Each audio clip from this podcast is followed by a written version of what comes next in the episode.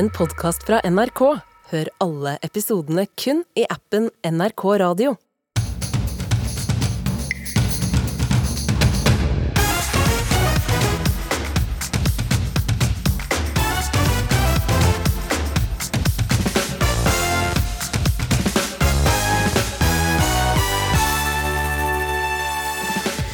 Kreftsyke Maren fikk vite at celleprøven var ok.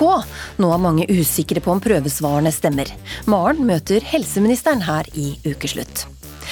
Arbeiderpartiet skal pusse opp politikken sin. Sinnasnekkeren vet hva som må til.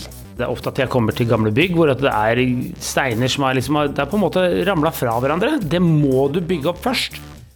Og det er ikke noe nytt at voksne ikke skjønner uttrykk, uttrykkene til de unge, men de unge sliter jammen med gammel sleng, de også. Trøtt? Sjofel. En sjofel? Vent da, da, det her har vi hatt snakka om før. Er det sånn når du føler deg trøtt? Nei. Tissetrengt? Nei. Jeg vet ikke. Sjofel. Ei skreppe, da? Skreppe? Er det en dame? Få med deg vår ordsjekk mellom generasjonene. Dette er bare litt av planen for ukeslutt i dag. Jeg heter Line Beate Gabrielsen og lover å avsløre resten i løpet av de neste to timene. Kan vi stole på celleprøvene som tas for å oppdage livmorhals i kreft? Mange kvinner spør seg om det nå etter at 28 år gamle kreftsyke Maren Valvik Johnsen fortalte sin historie til TV 2-programmet Norge bak fasaden. For Maren tok celleprøve og fikk beskjed om at den var fin, men det var feil. To år senere hadde hun livmorhalskreft med spredning. Man blir ikke skuffa, man blir sint. For det er ikke noe som skal skje. Um, så jeg ble Jeg har aldri kjent på et sånt sinne før. Ja. Um, og så tenkte jeg jo bare umiddelbart sånn på alle ja, lillesøstrene mine som er og tar celleprøver. Altså, hva Skal de ikke stole på det svaret de får? Maren, eh, velkommen hit. Takk for det. Det har vært eh, litt av en uke. Det har det. Og din historie den har gjort eh, sterkt inntrykk. Hvordan har det vært for deg å, å, fortelle din historie? Å fortelle historien var egentlig veldig fint. Jeg ble godt oppfulgt av redaksjonen i Norge bak fasaden, og, og, det var egentlig bare en liten bonusfamilie der og da. Og så har det jo vært litt annerledes nå i etterkant. Det har jo skapt kjempereaksjoner og, og fått kjemperespons, ja, som du sier. Ja, Hvordan har denne uka vært? Travel. Uh, og så har jeg måttet hatt noen hvilepauser innimellom det, skal jeg ikke legge skjul på. Uh, men jeg har prøvd å lade så godt jeg kan opp mellom disse ja, slagene, da. Pratene. Mm. Og hva slags reaksjoner er det du får fra folk? Uh, det har vært veldig mye forskjellig. Masse støtteerklæringer. Det er jo det det er først og fremst. Og så har det også vært kvinner som har kommet til meg med tilsvarende historie. Enten fra tidligere, eller at de selv sitter i samme situasjon nå, rett og slett. Ja, Hva tenker du om det? Det, det, det, er ingenting som gjør mer vondt enn det. Um, men det forsterker jo også budskapet her, at det er kjempeviktig at vi kan stole på testene vi, vi går og tar. Uh, så, så, på en måte så er det jo fint òg at uh, dette gjelder flere. Det, det, er ikke bare meg. Mm. Og hva, hva, tenker du om at så mange har ringt ned legekontorer og Kreftregisteret etter å ha hørt det? Eh, først og fremst kjempebra at folk går og sjekker seg og er opptatt av det nå. Det er jo det aller viktigste som kommer ut av dette her. Eh, og nå får vi også en test vi kan stole på, så det er bra. Eh, og så er det fint at folk blir litt mer obs på egen helse. Tar eh, ting på alvor. Um, så ja, så skaper det litt usikkerhet og, litt uh, furore akkurat nå. Uh, det var selvfølgelig aldri min intensjon å, ta fra folk nattesøvnen, men innimellom så tror jeg det må litt sånne slag som dette til for å øke bevisstheten til folk, da. Um, hva tenker du om det som har blitt sagt denne siste uka? Har du blitt beroliget av de svarene som kommer? Uh, nei, altså først og fremst så syns jeg det er synd at Kreftregisteret har møtt dette her med å pakke inn tallene på en uh, finere måte. Uh, det er for meg litt skuffende, for vi er jo alle enige om at tallene fra Norge bak fasaden er riktige. Det er ingen som har bestridt de tallene. Og da tenker jeg at dette her heller bør handle om ok, nå får vi en tryggere test, det er bra. Vi kan stole på eh, den i større grad enn vi har kunnet før, og det gjøres mange andre tiltak som er gode. Um, ja, og at man kanskje også faktisk innrømmer at det burde vært gjort mer. Nå har vi også med oss deg, helse- og omsorgsminister Ingvild Kjerkol. Marens historie har gjort inntrykk på mange. Hvordan reagerte du da du hørte henne? Nei, Det er veldig vondt å høre Maren sin historie. Eh, kreft rammer brutalt og vilkårlig. Og dessverre så er det mange familier i Norge som lever med kreft, og som får brutale beskjeder fra sin eh, lege. Eh, og det at Maren står fram på denne måten, det tror jeg mange opplever som godt.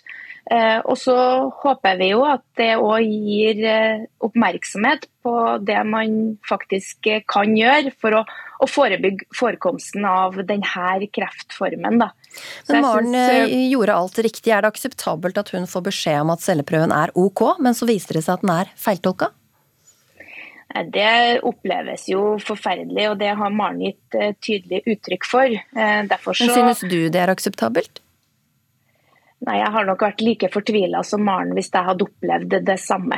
Det vi må hele tida prøve å forbedre, det er det kunnskapsgrunnlaget vi presenterer, eh, og de tiltakene vi gjør for å få ned forekomsten av eh, kreftformer som kan forebygges. Maren, eh, hva, hva er ditt viktigste budskap til helseministeren i dag? Jeg har jo først og fremst noen spørsmål. og altså, Først og fremst veldig fint at du tar deg tid til dette her. Det setter jeg pris på. Eh, og så lurer jeg jo på, for du sto i et debattinnlegg i fjor og snakka om at alle i Norge så tar det litt lengre tid enn våre naboland å få innført medisiner, eh, fordi det skal gjelde alle samtidig. og da blir jeg jo litt i tvil når jeg leser TV 2-saken fra i går om Tonje, da, som også er med i Norge bak fasaden, som bor i nord. Har opplevd akkurat det samme som meg, eh, men hun fikk celleprøven sin sjekka en gang til. Og derfor ble hennes tilfelle oppdaga. Hun har ikke livmorhalskreft, jeg har det. Ellers er det aller meste likt, bortsett fra at jeg bor i Oslo og hun bor i Nord-Norge. Og jeg lurer på hvorfor det da Hvorfor, det, hvorfor har vi sett, sittet og sett på at behandlingen har vært så ulik? Ja, vi Målet er at det skal være like tilgang til både tidlig oppdagelse og god behandling i hele landet. Eh, og så eh, er det jo bare å beklage at eh, man erfarer at det ikke alltid er tilfellet. Men det jobber vi med gjennom faglige retningslinjer, gjennom god kunnskapsbasert eh, testing og tidlig oppdagelse. Eh, men det er beklagelig at man opplever variasjon, og det jobber vi veldig målretta for å unngå livmorhalsprogrammet. Vi er avhengig av at eh, det er god, eh, godt opplyst, at vi har høy deltakelse. At eh, unge kvinner sjekker seg når de skal.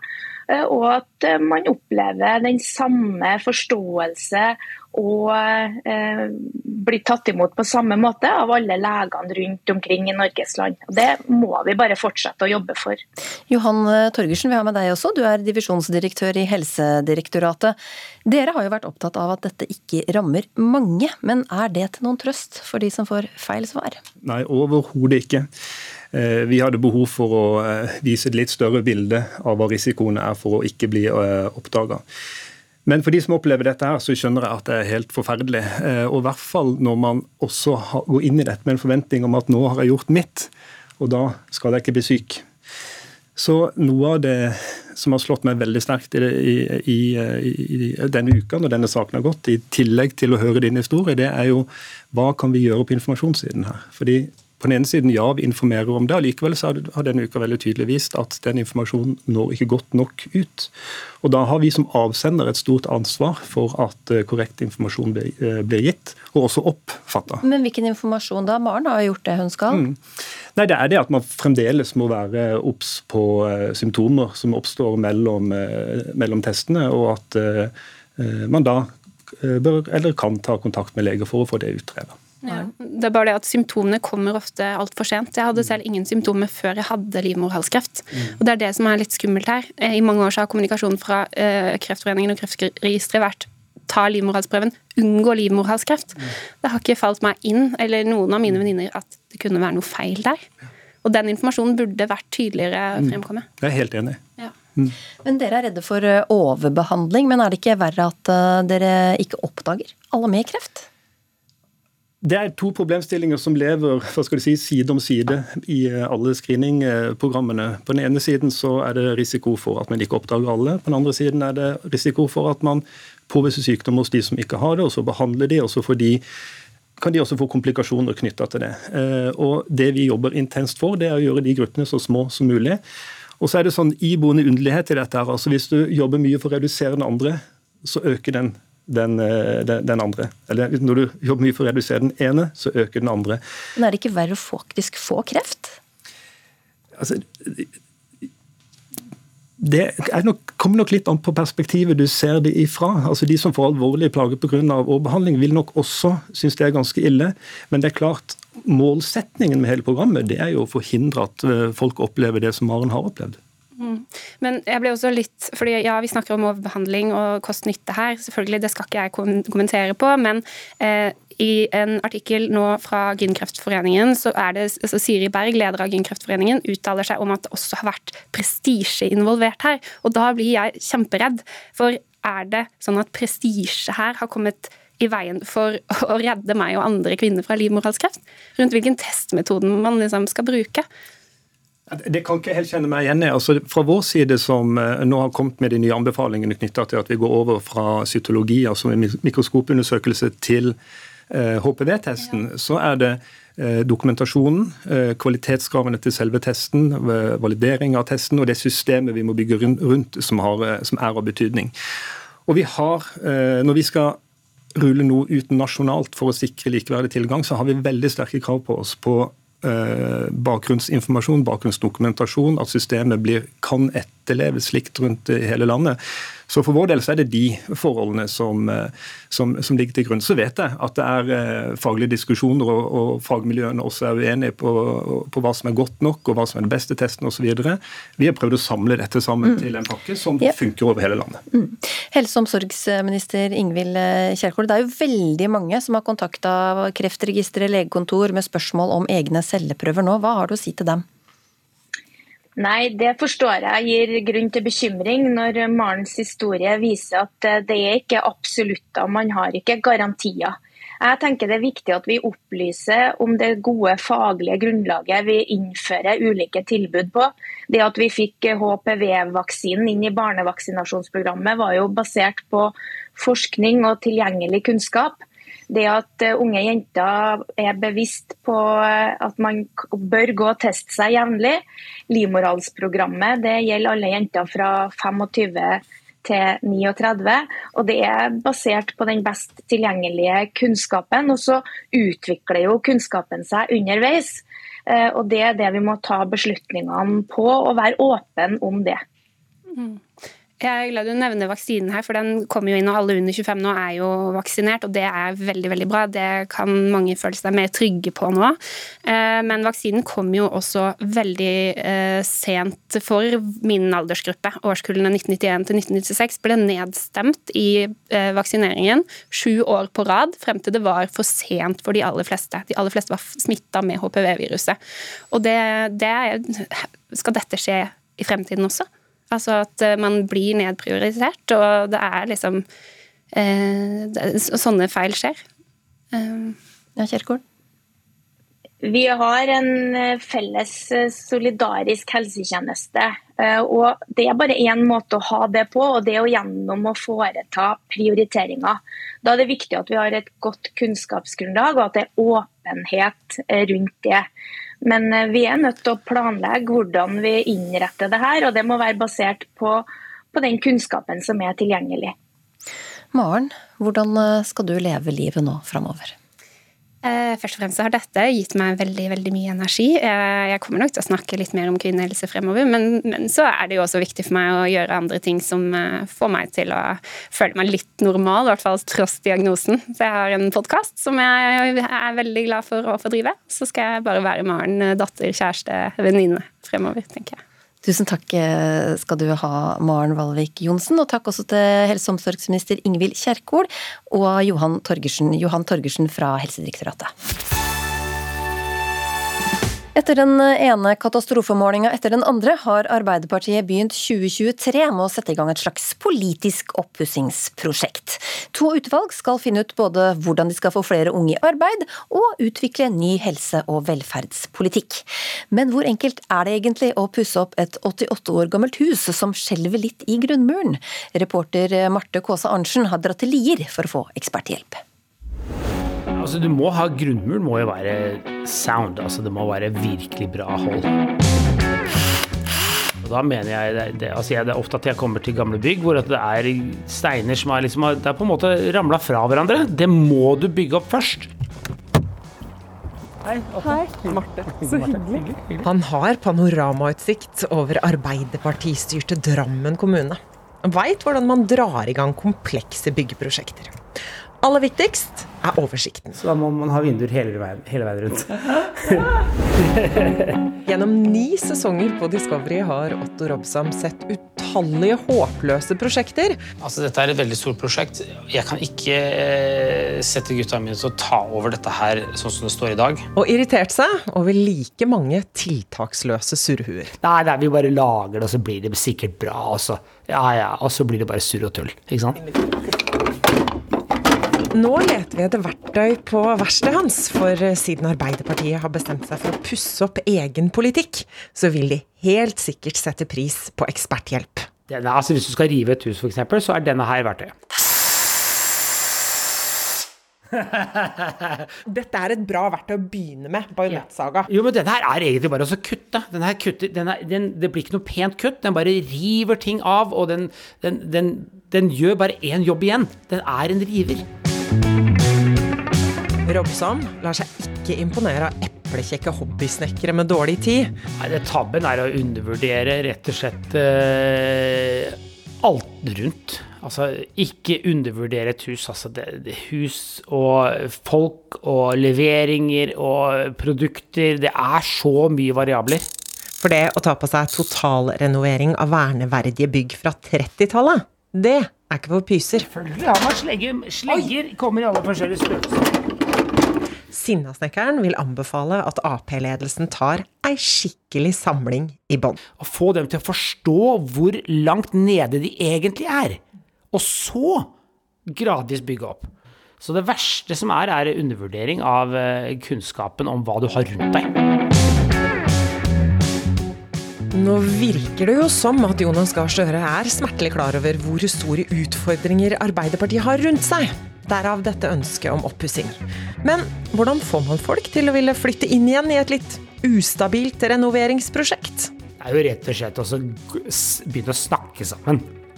Eh, jeg tror at Der er det veldig viktig at du skal ha det støtteapparatet rundt deg som du må stole på. Hvis ikke jeg stoler på da elektrikeren eller rørleggeren eller maleren eller mureren eller han gravemaskinsjåføren eller alle disse gutta taktekkerne og alt det, hvis ikke jeg stoler på de, så blir ikke dette bygget bra. Har du noensinne opplevd at noen har prøvd å sabotere for deg? Ja, ja det, det, skjer jo. Ikke, kanskje ikke bevisst sabotering, men man har valgt noen rundt deg som ikke har vært helt hel ved. Her er det dette her er eh, hullsag. Ja, den er gigantisk. Ganske stor. Men det, det, det, disse er laget for, er ventilasjon. Ganske viktig når man skal bygge nytt hus. da, Ventilasjon. Få lufta litt. Yes! Så da får du liksom, når du drar, når du får lufta, den dårlige lufta, blir kjørt gjennom aggregatet og ut av huset. Og så trekker du da luft inn. Da puster du bedre, du har mye mer kontroll, og alt er mye bedre rundt deg. Tone Sofie Aglen, politisk kommentator her i NRK. I lys av det snekkereksperten vår nettopp uttalte, hvor dårlig luft er det i Arbeiderpartiets politiske hus om dagen? Eh, det er godt ventilert, om ikke annet, tror jeg man vil si det. Og det er jo for så vidt positivt at eh, man får eh, snakka ut om problemene. Men jeg tror de fleste er også enige om at man er nødt til å gjøre noe med inneklimaet. Ja, og hvordan er Støre som byggleder? Det er vel liten tvil om at han har vel ikke veldig høy tillit som eh, byggmester eh, om dagen. Og det har jo vært snakk om eh, i mange år, at han er litt sånn usikker på hvor han egentlig vil med det byggverket sitt. Han ikke har helt kontroll på troppene sine. Men samtidig da så er noe helt åpenbart en utholdende byggmester som ikke gir seg, som står på. Og i det lange løp så kan det kanskje være de som klarer å, å få byggverket opp. Hans Petter Sjøli, debattredaktør i VG. Nå har vi fått mye gode verktøytips her. Hvilke bør han benytte seg av, hvilke bør han ligge? Ja, jeg vet ikke. Han, jeg, jeg, tror kanskje at Jonas Gahr Støre er like dårlig på oppussing som meg. Han liker jo best å sitte hjemme og lese franske romaner. Så jeg vet ikke hva slags eh, verktøy han har. Jeg må finne, finne de folka som kan eh, sine respektive verktøy. Eh, og så får han sitte på toppen og, og koordinere det hele og være den ubestridte lederen. For det vel det som er litt eh, problemet til Støre også, at han har ikke den voldsomme autoriteten som eh, hans forgjenger hadde. Uh, og det ser vi f.eks. i strømkrisen nå, hvor, hvor lite frampå man er for å forklare forklare hva det her egentlig handler om, og lage en slags fortelling rundt det. Der syns jeg uh, byggemester Støre har ganske lang vei å gå. Aglen, er det noen råtneplanker i dette byggverket? Ja, det er det jo helt uh, åpenbart. På mannskapssida så er jo Hans Petter inne på at den byggelederen hadde nok trengt en sterk uh, gjennomfører. Og så virker det jo som han har fått uh, litt nye krefter rundt seg til å hjelpe en litt med å kommunisere litt tydeligere. Men så er det jo grunnmuren i et politisk parti er jo alltid politikken. Da. og Det er ikke noe tvil om at eh, strømsaken for tida er, om du kan kalle det en råtten planke, eller om det rett og slett er, er noe i grunnmuren eh, det er noe galt med. Det er i hvert fall noe som plager partiet veldig. Og så har de jo slitt litt med å vite helt hvilken vei de skal. Skal vi være et parti for vanlige folk, og hvem er nå de vanlige folkene? Skal vi være et parti for dem som bor på bygda? Skal vi kanskje satse litt mer på storbyene? Og nå virker det som det er litt mer sånn samling i bånd om at Arbeiderpartiet må være et eh, parti for eh, alle. Og Det er jo en assisterende byggeleder som virker interessert i et comeback når Arbeiderpartiet skal møtes til landsmøte i mai. Blir det Tonje Brenna eller Hadia Tajik som får gå med hjelm ved siden av Støre og inspisere bygget, Sjøli? Jeg, Min uh, tips er jo for så vidt at det blir Tonje Brenna. Men i motsetning til Otto Ropsam, som kan jobbe med, med hendene og være, være, en byggeleder og en snekker, så er jeg historiker av utdanning. og Jeg pleier veldig sjelden å si at sånn kommer det til å bli. Jeg er mer glad å analysere bakover i tida, så jeg skal ikke være helt sikker. Men jeg vet jo det at Tonje Brenna har en veldig sterk stilling i Arbeiderpartiet. ganske likt, godt likt over hele fjøla. så at, at, hun er den neste, den kommende stjernen som veldig mange setter, setter sin lit til, det, det, tror jeg ikke det er noe tvil om. Og Hadia Tajik har jo ja, hun gikk jo ut på en lei sak, og veien tilbake er nok lengre nå enn den veien hun brukte for å komme inn dit i første omgang. Og så har de jo et lite uthus eller anneks oppe i Trondheim også. Det er svært mange velgere har villet flyttet inn i det siste. Hvor vanskelig er det for eh, bygglederen? Ja, det For bygglederen så er nok det ganske krevende, men eh, det er litt ulikt syn i partiet på, på dette uthuset. Det er jo veldig mange som har eh, meldt eh, flytting dit, og mange mener også at hadde Støre bare lytta litt mer til sjefsarkitekt Trond Giske, så hadde det kanskje gått veien for dette partiet. Men jeg tror nok mange, særlig toppen av partiet og litt mer sentrale strøk av landet, mener at det der er et prosjekt som heller ødelegger enn er til særlig hjelp for Støre. Hva tenker du om det, Sjøli? Ja, altså, Han sitter jo der eh, i sitt anneks eh, oppe i Trondheim, som er stadig voksen. Han er jo åpenbart veldig flink til å bygge, det blir jo bare større og større. Uh, utgangspunktet så kanskje vært bedre om han hadde blitt satt i snekkerboden og blitt, uh, fått holdt på med for seg sjøl der inne. Nå har jo Støre og Arbeiderpartiet latt det her vokse, og da må man jo forholde seg til det på en helt annen måte enn man gjorde da den gangen den saken oppsto og Giske gikk av som nestleder og sånn. Så, så, nå har de jo i hvert fall skapt en situasjon som de må håndtere. og Per nå så er det vel ikke akkurat vært noe sånn optimalt eh, løst. Og bygglederen, da? Hva tror vi han eh, overlever dette eh, prosjektet? Han er jo en seig leder, da, det må være lov å si. Og har vært ute i både storm og kuling og vinternetter og vinterdager. Så det er vel lite som tyder på at på noe annet enn at uh, Støre får fortsette. Og, og, alle som vet at politikken går nå litt opp og, og, litt ned. og Det er jo kanskje noen som tror at Arbeiderpartiet etter hvert vil begynne å se litt mer oppoverbakke. Jeg tror eh, at kanskje bunnen er, eh, om ikke nådd, så i hvert fall er man nede på helt nede nå. At the only way is up. Og vi så jo også med den forrige regjeringa at det tok litt tid før Erna Solberg å etablere seg som en slags ny landsmoder. Så for å, for å gi Jonas det, da, så, så har han i hvert fall muligheten til å nå forme sitt eget prosjekt, bli mer komfortabel i rollen og, og finne ut av hvordan han skal samarbeide med Senterpartiet, hvordan han skal forholde seg til SV på Stortinget, og om det er vanlige folk eller alle folk han skal representere som statsminister. Det blir spennende å følge med på. Jeg tror Støre kommer til å snu skuta i hvert fall eh, litt framover. Og med de ordene så sier jeg tusen takk Hans Petter Sjøli, debattredaktør i VG, og Tone Sofie Aglen, politisk kommentator her i NRK. Tvillingene på 16 som ble funnet døde i Spydberg, har prega nyhetsbildet denne uka. Tvillingsøstre på 16 år døde i Spydeberg i helgen av det politiet tror var overdose. 16 år er helt forferdelig. Det er forferdelig både for jentene og etterlatte. Så det, det, preger jo et sånt lite miljø som Spydberg er, der veldig mange kjenner hverandre, da. Familien til de to jentene, Mina Alexandra og Mille Andrea Hjalmarsen, gikk i dag ut med bilde av de to. De ønsket å vise de to fine jentene de hadde, Mille og Mina, vise at dette var to eh, flotte jenter som egentlig måtte avslutte livet altfor tidlig. Barnevernet skal eh, granskes etter at eh, tvillingsøstrene døde sist helg. Jentene bodde på en institusjon og var meldt savnet derfra da de ble funnet døde. To menn er varetektsfengsla for å ha solgt narkotika til jentene og hensatt dem i hjelpeløs tilstand. Politiet har som hovedhypotese at tvillingsøstrene døde av en overdose. Og Ida Urapani, du er 25 og ute av rusmiljøet nå, men i tenåra rusa du deg mye. Hva tenkte du da du hørte om dødsfallene i Spydeberg? Jeg syns jo dette er veldig tragisk, eh, og at eh, vi skal oppleve at så unge folk går bort i rus. Mm. Og dette kunne lett vært deg, har du sagt eh, til oss. Hva tenker du på da? Nei, jeg var veldig tungt inne i rusmiljøet, og hadde jo ingen, ingen grenser. Så det er vel bare flaks. Ja, hva slags stoffer tok du? Det var tungt, eh, tunge stoffer. Eh, det var piller, eh, Subutex, amfetamin, GHB. Ja. Mm. Og du var vitne til at en venninne tok overdose. Hva var mm. det som skjedde? Vi var fire personer i denne hotellrommet, da, eller inne på et hotellrom når hun venninna mi tok overdose på GHB. De som vi var med jeg ville ikke ringe ambulanse eh, pga. frykt, og valgte heller å fikse opp i dette her sjøl. Hvordan reagerte du eh, da du skjønte at venninna di hadde tatt en overdose? Jeg var ganske rusa sjøl, men jeg husker jeg ble veldig redd. Og så ble jeg veldig, veldig, mye mer redd når jeg fikk vite at jeg ikke ville ringe ambulansen. Og hvem var det som tok eh, på en måte ledelsen?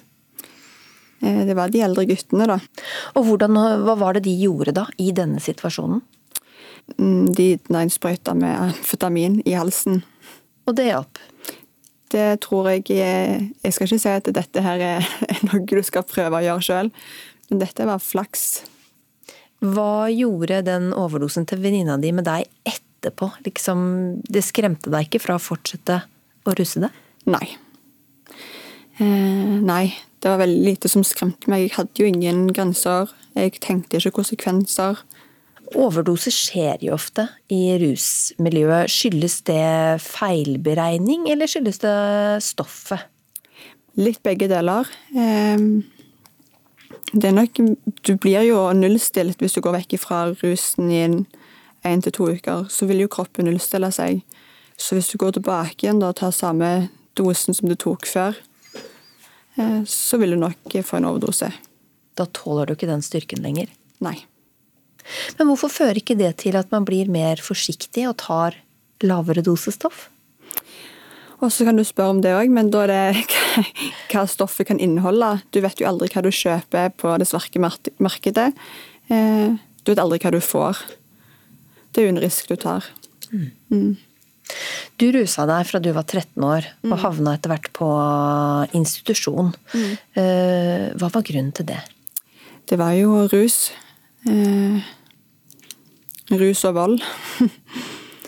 Så jeg havna på en barnevernsinstitusjon på en paragraf som heter 424. En tvangsparagraf, da. Og hvorfor rusa du deg? Mm, først var det jo gøy, og så ble det på en måte mer og mer en hverdagslig ting.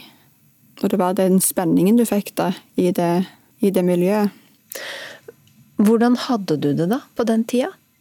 Eh, veldig tungt, faktisk. Eh, det var mye inn og ut fra rus. Eh, jeg hadde jo både rusfrie venner og ja, venner i rusmiljøet.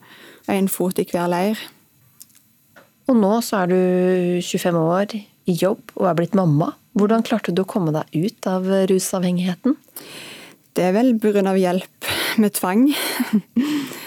eh, men òg fengsel. Mm. Men hva var det de, de gjorde med tvang, da, som, som hjalp deg? Det fikk, meg, altså, det fikk meg jo ut av spill. Det fikk meg til å bli der jeg var. Eh, og tenke gjennom på en måte hvordan jeg ville leve mitt liv. Om dette var noe for meg å fortsette med. Og du ble tatt med på hytteturer? Ja, hvis jeg stakk av, da, så fikk jeg én til to uker utluftning, som det heter. Eh, der de tok fra meg telefonen, eh, og jeg var på hyttetur. Og vi fant på masse kjekke aktiviteter. Eh, for å skjerme meg fra rus, og for å skjerme meg fra den distré med å ha den telefonen, da. Ja, hvor viktig var, eh, var det? Veldig. Hva er den beste hjelpen, eh, mener du, som unge som ruser seg, kan få? Den mest hjelpen er jo å ta ut eh, ungdommer vekk fra, fra rusmiljøet. Altså bruke tvang, sånn som ble gjort på meg. Tatt meg ut på hyttetur, ta vekk telefonen og vise omsorg. Eh, og eh, gi ungdom omsorg generelt i rusinstitusjoner. Ja, hvordan kan institusjonene erstatte det suget etter, eh, etter rus? Eh, sette inn tiltak der de kan gjøre sine hobbyer, eller det de liker å holde på med. Hva var det du likte å holde på med? Hest. jeg fikk være med hesten når jeg ville, eh, hva tid jeg ville, kunne jeg ta den med meg ut. Jeg fikk styre dagene mine sjøl. Hva gjorde det med deg? Eh, gitt meg en frihetsfølelse. Samtidig som jeg hadde trygg, trygg nettverk rundt meg. Jeg var en trygg plass. Hva var det du tenkte at du skulle velge istedenfor uh, rusen? Det var jo det drømmelivet da, med å ha familie. Ja, Å kunne jobbe og ha et normalt liv. Stå opp om morgenen, gå på jobb, komme hjem og lage middag. Hvis du ser tilbake på da du var uh, 16, trodde du det skulle gå så bra med deg som det har gjort? Nei. Nei. Nei. Det var det ingen som trodde. Hvordan føles det, da? Det føles ganske bra. ja. Det er akkurat som å ha levd to forskjellige liv i ett liv. Takk for at du delte din historie her i Ukeslutt, Ida Urapani. Og vet du hvilket ord jeg vil få inn her i 2023? At du skal begynne å si det igjen. Tært. Tært? Tært. Jeg elsker ordet tært. Det er så tært. Greit, la oss begynne med det. Tært. Tært. Tært. Tærtiana. Jentene i NRK-podkasten Høra er mer enn gjennomsnittet opptatt av ord. De plukker opp ord, lager nye ord og har sin egen interne liste med ord de bruker. Og denne uka tok de for seg tre ord de mener er forslitte og utgått på dato, og et annet ord tært, som de vil ha inn igjen. Problemet for vår reporter Kari Ørstavik er at hun ikke helt skjønner hva de snakker om. Jeg tror at ordene slay, per og period At det er liksom At det kommer til å bli en end of Ja, that era. men jeg har egentlig Jeg lagt det fra det meg i burde være en 2022, så det, det er jeg egentlig enig i. Og det syns jeg kanskje blir Det er litt 2022. Jøss, skjønte du noe? Ordene som de unge kollegaene mine mener må ut i 2023, har eh, aldri vært i mitt eh, vokabulær. Derfor eh, tror jeg det er lurt å snakke med dem, men for å være forberedt vil jeg først forhøre meg med en ekspert. Jeg har eh, invitert meg selv hjem til forfatter og språkviter Helene Uri. Jentene bak NRK-podkasten Høra tror at ordene slay, pur og period er ute, men håper at ordet tært kommer inn igjen. Hva tror du, Helene Uri? Ja, Dette har jeg ingen forutsetning for å mene noe som helst om. Ok, ingen eh, mening om, men eh, hun kan vel hjelpe oss med å analysere ordene? Altså slay, det betyr jo det samme som å naile. Altså virkelig lykkes i noe. Slay. Du må, må du, du må høre med jentene om dette er riktig, da, om jeg har oppfattet det riktig. Uh, pør, Ja, altså Er det et verb eller substantiv, eller? Jeg tror det er et verb, ja. ja. Å slaye. Jeg tror det. Hva med ordet purr? Den er jeg mye mer usikker på, da. Jeg kjenner at jeg er litt spent på fasiten her. Jeg tror dette er den lyden som katter lager på engelsk. Altså de maler jo på norsk, men på engelsk så purrer de jo. Eh, Så dette tror jeg er en sånn Hva var det datteren min prøvde å forklare meg i går, da? Var det noe sånn eh,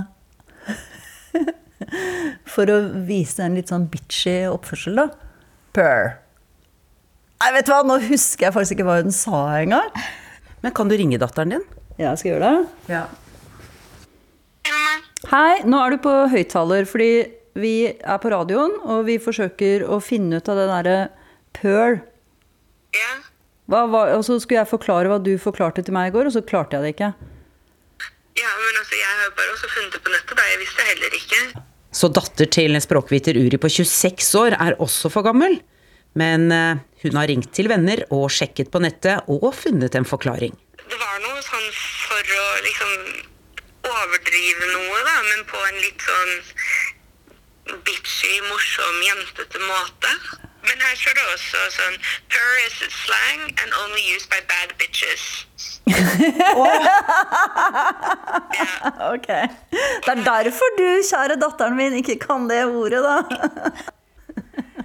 Bare brukt av bad bitches? Kan det stemme, da? Hei! Burde vi kanskje sittet et annet sted, eller hvis det er så bråkete? Jeg treffer de fire Høra-jentene i kantina i NRK. Det er Iliada Tunkar, Arin Sultanpane, Soshiant Firoskoi og Sepide Sanati. Vi finner et fredeligere sted og får endelig forklaring på de tre ordene de er så lei av. Altså, slay eller per og period er litt sånn punktum. på en måte. Sånn Og slay er også sånn Det er på en måte noe bra. da, så Hvis jeg ser på eh, klærne til Arin, så er jeg sånn Oh my god, du slayer i dag. Det er sånn, «Å, du drepte det». Ja. You're killing it. Ja. Um, og purr er sånn det Jeg er liksom- enig, liksom. Ja, så er hvis jeg ja. sier noe bra, og så sier Sosh Eller Seppi, da. Jeg sier purr, men det er mer sånn, det er en godlyd, skjønner du? Som en katt som maler. Purr, liksom. Purr. Mm. Men jeg henta fra veldig mye, Det er sånn veldig mye generasjon Z-lingo som man Mm. plukker opp fra TikTok eller andre. For eksempel, hvis en eller annen stjerne eller annet forbilde eller en kjendis har sagt det, så blir det fort liksom plukket opp. da. Men hvorfor er det helt 2022? Sagt veldig mye i 2022. Ja, nå, jeg tror vi bare ble litt lei, rett og slett, så uh, da har vi bare kasta det vekk. Ikke at det har funka så bra, vi sier jo fortsatt slay, men ikke like mye. Ikke like så grad, nei. Ja. Så til ordet Høra-jentene vil ha inn igjen, tært. Det har vært brukt før, men vært ute en stund, mener de. Og det ordet kjenner Helene Uri fra før. Det, det er et ord jeg eh, kjenner til i teorien. Jeg har jo aldri brukt det. Skal vi se om det til og med står i ordboken. Og dette er et ord som kommer fra Altså som tilhører da multietnolekt i Oslo. Kebabnorsk. Kebabnorsk. Så her i da det som heter kebabnorsk ordliste på nettet, så står det Damn, hun jenta der var tært, altså. Ja, bror, står det. Betyr deilig. Betyr jo egentlig digg, da. Ja, Tært, deilig. Det er sånn, ja, hun dama der var tært. Ja. Mm, dama var digg. Eller maten er tært. Ja. Eller tærte bukser. Ja.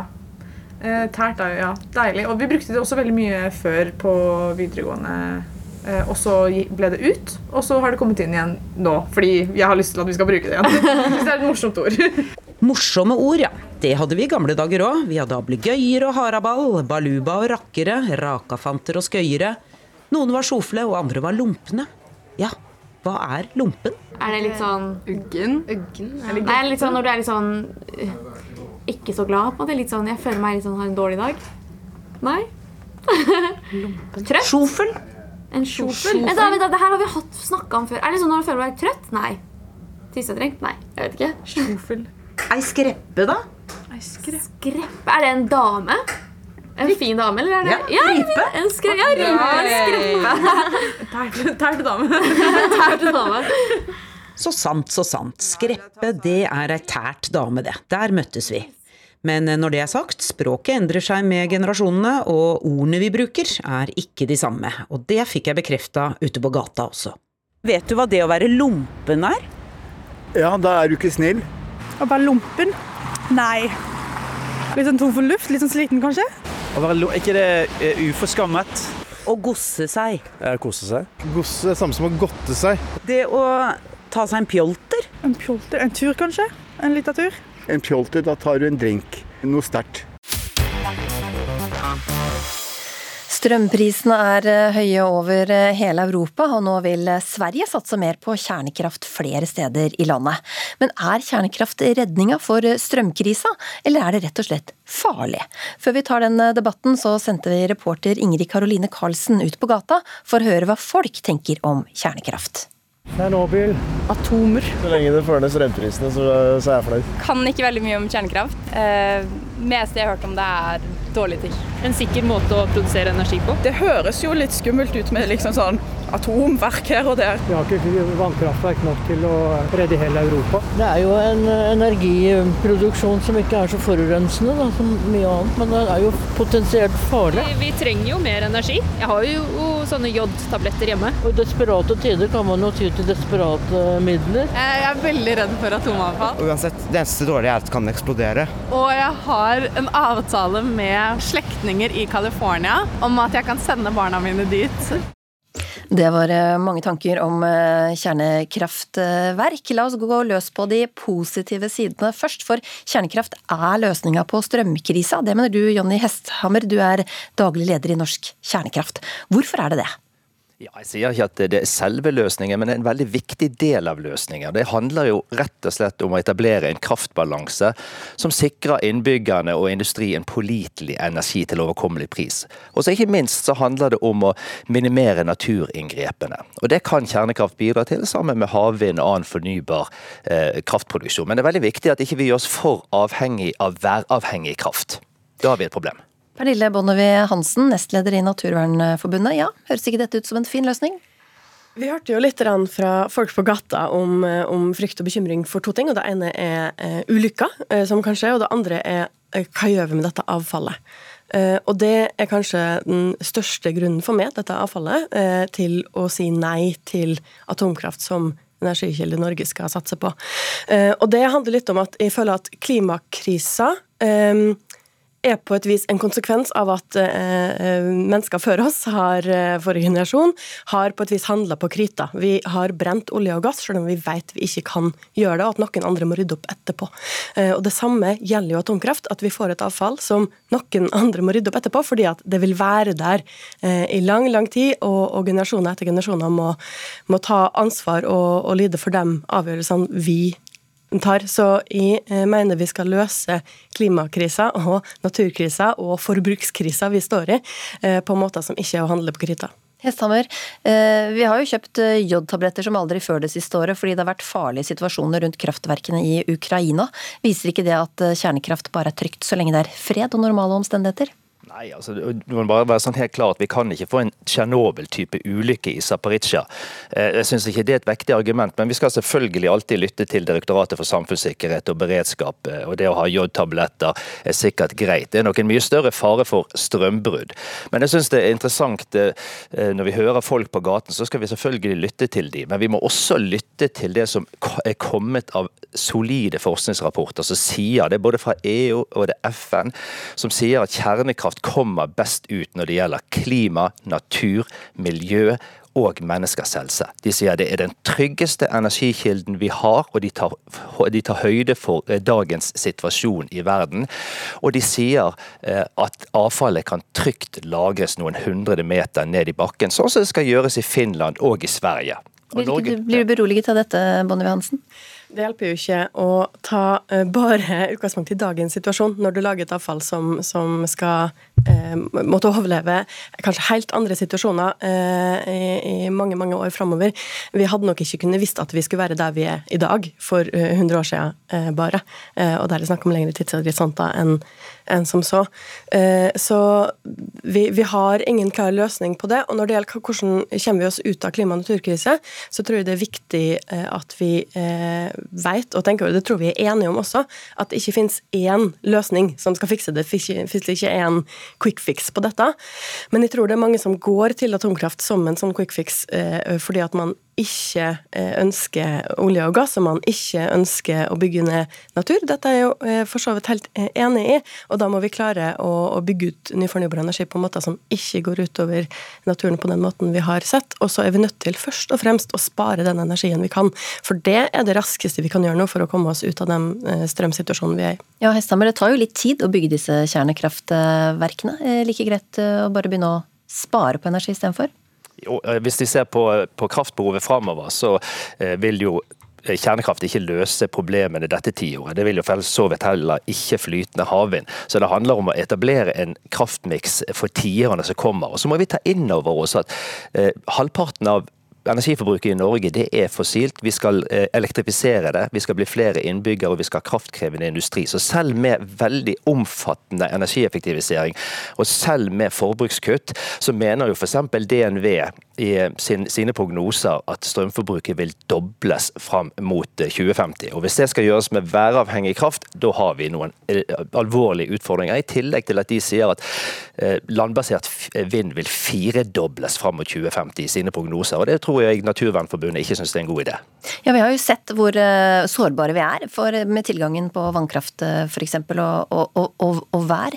Hvordan skal vi klare det? Altså, eh, Det viktigste vi, vi, kan gjøre, det er å, å, ta litt kontroll her over hva vi ønsker å bruke energien til. Jeg har vokst opp med en far som lærte meg å, å spare hver kilowattime fordi den har kosta natur. Eh, i produksjon. Eh, enten det er vannkraft eller, eller, andre former vi har eh, skapt strømmen på i Norge, så har det konsekvenser. og Derfor så skal vi behandle den med, med ærbødighet og ikke sløse unødvendig. Og, og, denne her ideen om at vi skal doble energiforbruket frem mot 2050 jeg tror rett og slett ikke at vi har råd til det. Vi kommer oss ikke ut av, av klima- og naturkrise på den måten. Eh, atomkraft kan ikke, kan ikke, redde oss ut av noe sånt. Det vi må gjøre, er rett og slett å prioritere. Og én ting vi kan prioritere, det er jo å fase ut olja. Eh, og gassen i Norge, fordi at det går eh, store mengder strøm hvis vi skal elektrifisere sokkelen, hvis vi skal holde raffinerier i gang, eh, der, der vi kan heller lage en plan for en rettferdig utfasing av olje og gass. Hva sier du til det, Hesthammer?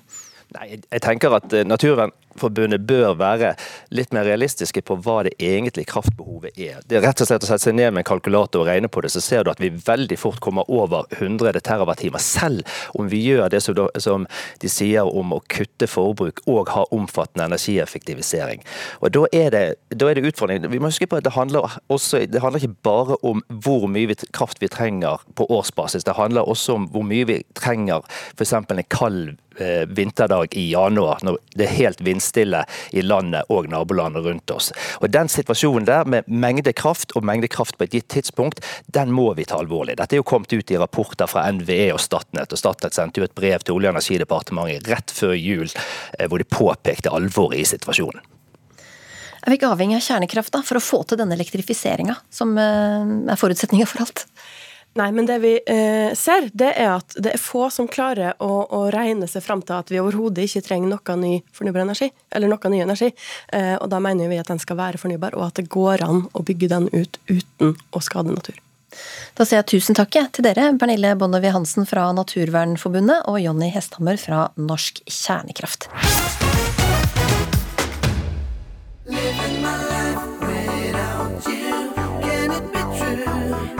something is missing, babe.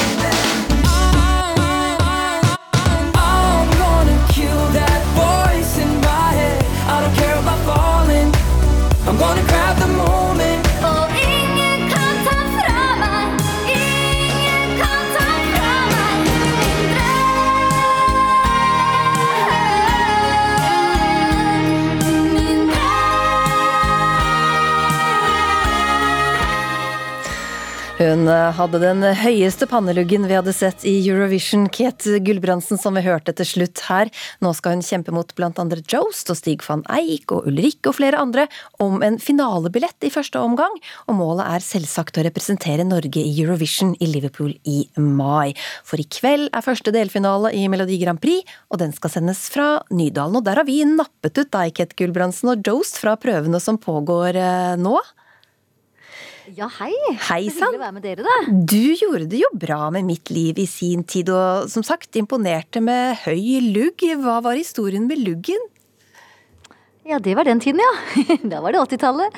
Nei, det var eh, Jeg var litt rar på håret dagen før, så jeg hadde en fin frisør da, som eh, tenkte litt kreativt. Så jeg gikk med på den. Veldig gøy. Men jeg skal love, jeg skal ikke ha det håret i dag, altså. Men har du noen lignende triks i ermet denne gangen? Nei, Jeg tror jeg skal bare være meg sjøl, så skal jeg formidle. Så det gleder jeg meg til. Jost, det er jo ikke bare sangen som eh, må sitte, også showet. Eh, hvordan har du tenkt å skille deg ut i kveld? Det er jo akkurat sånn. Eh, fordi at det her er jo liksom Norges største musikkshow, og derfor så skal vi lage det største showet i kveld. det, vi skal ikke synge de lyseste notene, og ikke ha den høyeste gitarsoloen, men vi skal ha det heftigste showet, tror jeg. Håper jeg. Prøver vi på. Kate Gulbrandsen, du har en, eh, en låt med en eh, ja, personlig historie bak. Ja, det har jeg. Først og fremst så fikk jeg jo et godt samarbeid med Kjetil Mørland på en veldig fin melodi. Og så hadde jeg en historie å komme med som han eh, lurte på om jeg var tilfreds med å synge, da. Så det er det noe som berører meg og håper kan gi til trøst for andre òg. Og det er Ja. ikke bare trist, det er mye håp i låta. Ja, hva handler den om? Det handler jo om eh, For noen år siden så valgte min nærmeste mann eh, bort livet. Eh, Så da ble jeg sittende igjen alene med dattera mi. Men det har gått veldig fint. Vi er gode på å være åpne, og da syns jeg liksom Det gjør meg ingenting om jeg synger den i Grand Prix, for jeg føler at den er så sterk at det, Og det er mye håp i låta. Og håper det kan være til trøst for mange andre òg, da. Jost, det, det har jo blitt en del oppstuss rundt at det blir bruk av eh, autotune eh, i kveld. Hva tenker du om det? Ja. For noen kontraster. Nei, det, det er Ja, det er autotune i kveld, og det er fint. Det er kjempebra. Eh, Fordi at autotune er et sånn moderne virkemiddel som vi bruker i musikk. Og folk bruker det live på festivaler, på turneer og sånn til vanlig. De bruker det kanskje masse på én sang og litt mindre på en annen. Og sånn, Vi skal f.eks. bruke den på to linjer i dag, på, på refrenget, men ikke i verset. Eh, Så det blir brukt eh, til, til det det er laga for, på en måte, og hjelper hjelpe til litt. På samme måte som at vi stemmer gitaren og alt det der. Men dere er ikke Ja. redde for at det da eh, kan bli dårligere hvis man kommer videre til den store oh. Eurovision-finalen og ikke har autotune? nei, nei. Altså, Det blir ikke nøyaktig det samme, men, men altså, det som er dumt med autotune, er at den der faren for at det skal gå dårlig, blir borte. Men det er ikke sant.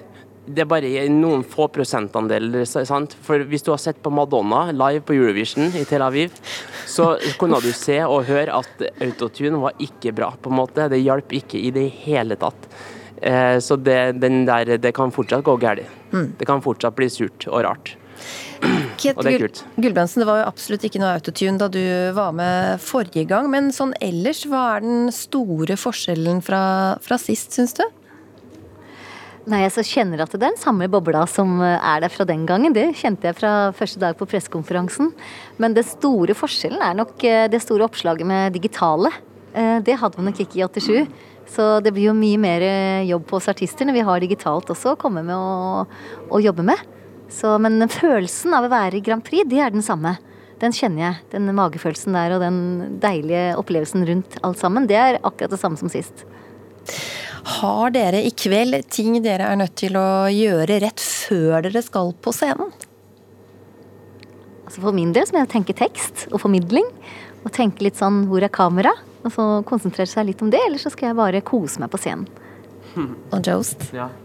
ja, det eneste jeg må gjøre før vi går på scenen, er altså bare sørge for at det er god stemning eh, mellom meg og Byron, og på en måte sørge for at nå er vi klar, vi skal gå ut der og ha det gøy, og, og vi skal vi skal ut på en liten treningsøkt, på en måte. Så vi liksom vi hopper litt og tøyer ut litt, på en måte. Og så eh, klapper hendene og gjør oss klar for eh, kamp. Ikke kamp, da, men sånn, ja, for å prestere, liksom. Eh, og, så, ja, det er det eneste. Og en liten tur på do, og så er jeg klar. Jeg ser det levende, levende for meg. Vi får si at måtte den beste låta og det beste showet vinne. Moroa starter klokka 19.50 på NRK1 i kveld. I natt godkjente Høyesterett i Brasil at tidligere president Jair Bolsonaro skal etterforskes for kongressstorminga forrige helg. Her i Norge merker brasilianske Larissa hvordan vennegjengen hennes hjemme er splitta pga. politikk, og faren hennes angrer på at han stemte på Bolsonaro. Oi, pai. Tudo bem, diga. O pai, eu tô aqui em casa dando uma entrevista para uma jornalista para a rádio. Pappaen til Larissa Costa Slotte bestemte seg for å gi sin stemmeseddel til Jair Bolsonaro da det var valg i Brasil i fjor høst. Og nå angrer han. E.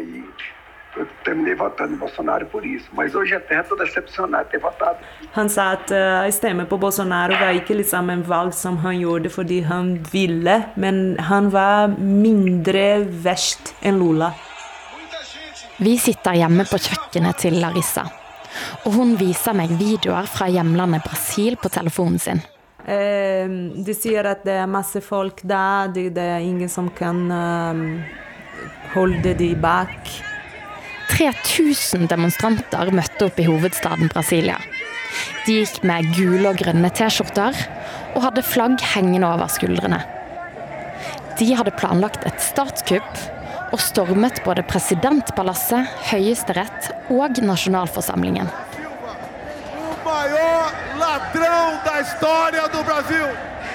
Demonstrantene er overbevist om at valgseieren i fjor høst ble stjålet fra den sittende presidenten Jair Bolsonaro.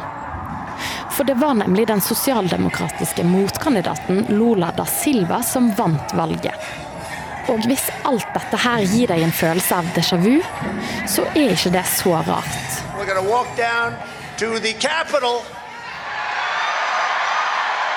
And we're going to cheer on our brave senators and congressmen and women. Det er helt utrolig mange paralleller. Det ser jo nesten ut som en slags sånn copycat-event. Eh, forskjellen er jo kanskje at her gikk de jo på en måte enda lenger, for de gikk også inn i, i Høyesterett og i presidentpalasset. Kristina Pletten, som er kommentator i Aftenposten, og tidligere korrespondent i USA, trekker linjer mellom det som skjedde i Brasil, og stormingen av Kongressen i USA for nesten nøyaktig to år siden. For det første så er det jo en del av de samme personene som har vært involvert. Du har f.eks. Steve Bannon, som er Trumps tidligere rådgiver, som har vært engasjert i Brasil lenge, har vært der et par ganger. Eh, lanserte en sånn hashtag, Brazilian Spring, eh, like etter valget. Og så har du jo denne her symbolikken, da. En sånn blanding av nasjonalisme og kristne symboler og slagrop. Flagg og farger. Litt brasiliansk kaffe man må ha. Hjemme i Brasil ser Larissa Costa Slottet en splittet vennegjeng. Bolsonaro-tilhengerne får ikke plass i Lola-gjengen, og det samme gjelder eh, motsatt vei. Eh, de fleste de, de stemte for Lula. Det er ikke at de elsker Lula, men eh, de, de, de mener at Lula er bedre enn Bolsonaro. Jeg også gjorde det. Men de som bestemte for Bolsonaro, f.eks., de, de splitter vennskap. Likevel da, så holder Larissa på håpet om at vennene hennes og resten av brasilianerne kan finne sammen igjen når det er duket for et fargerikt karneval i Rio sine gater om bare litt over en måned. Jeg tror det skal være en vanlig karneval som alltid kjempeglad folk. Og ikke sant, vi er veldig gode for, for å glemme problemer først. jeg hadde en veldig stor uh, håp at uh, VM skulle vært uh, den uh, momentum. At vi skulle være alle brasilianske igjen og glemme politikk. Men dessverre, Brasil gikk ikke så mye for VM, så vi, vi må håpe på karneval.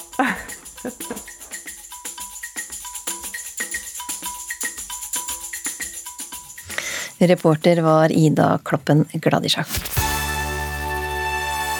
Hvem hadde trodd at 15 helt passe hverdagsstemmer i et eh, litt aldrende blanda kor skulle røre en hel nasjon? En er frisk og en er syk, en får stå og en får stryk. Vi lever flott! Hun er blid og han er sur,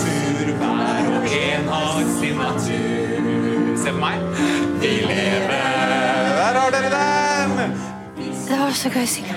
I lag med alle de andre. Smilende folk. og Føltes jo som vi gjorde noe i lag.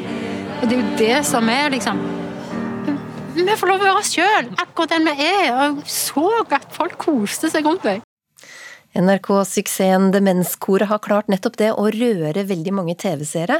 Programleder Ingrid Gjessing Lindhaves kor for sangglade med demens, som øver for å ha konsert på Chat Noir, har blitt en skikkelig snakkis. Og Tone Sæther eh, Kvamme, du er eh, førsteamanuensis i musikkterapi ved Norges musikkhøgskole, og har både tatt doktorgraden i og skrevet bok om demens og musikk.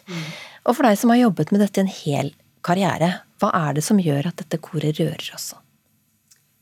Det er nok eh, mange ting. Eh, det vært, det er veldig godt laget, og det er en god balanse eh, mellom folkeopplysning Vi lærer om demens, som veldig mange av oss er berørt av på en eller annen måte. Og så ser vi samtidig som vi lærer om det, og vi, vi, vet litt og ser kanskje også i serien noen av begrensningene den sykdommen fører med seg, eller de sykdommene, så, så ser vi også at de, de, mestrer, får til ting.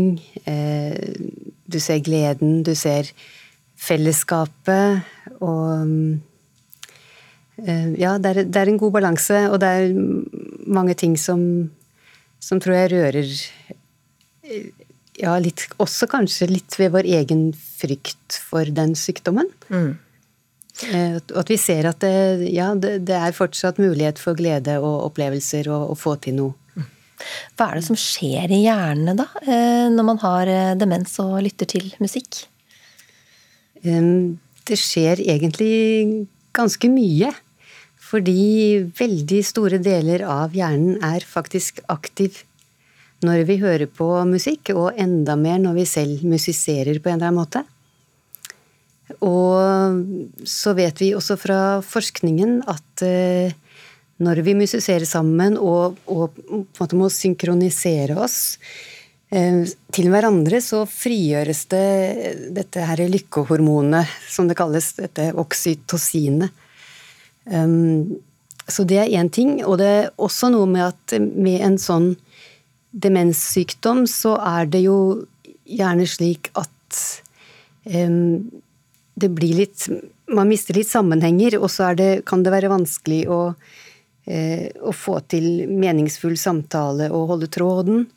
Um, mens med musikken så er den så, så umiddelbar at den liksom når fram med en gang, og den, den har en struktur som, som man følger. og uh, så det gjør at um, um, Ja, musikk er Den når, når, på en måte inn i kanaler som fortsatt uh, virker, da. Som mm. fortsatt er um, Og det er også det at uh, man kan De områdene som vanligvis er skadet i hjernen av demens, uh, det er ikke de vi bruker når vi musiserer. Ikke sant.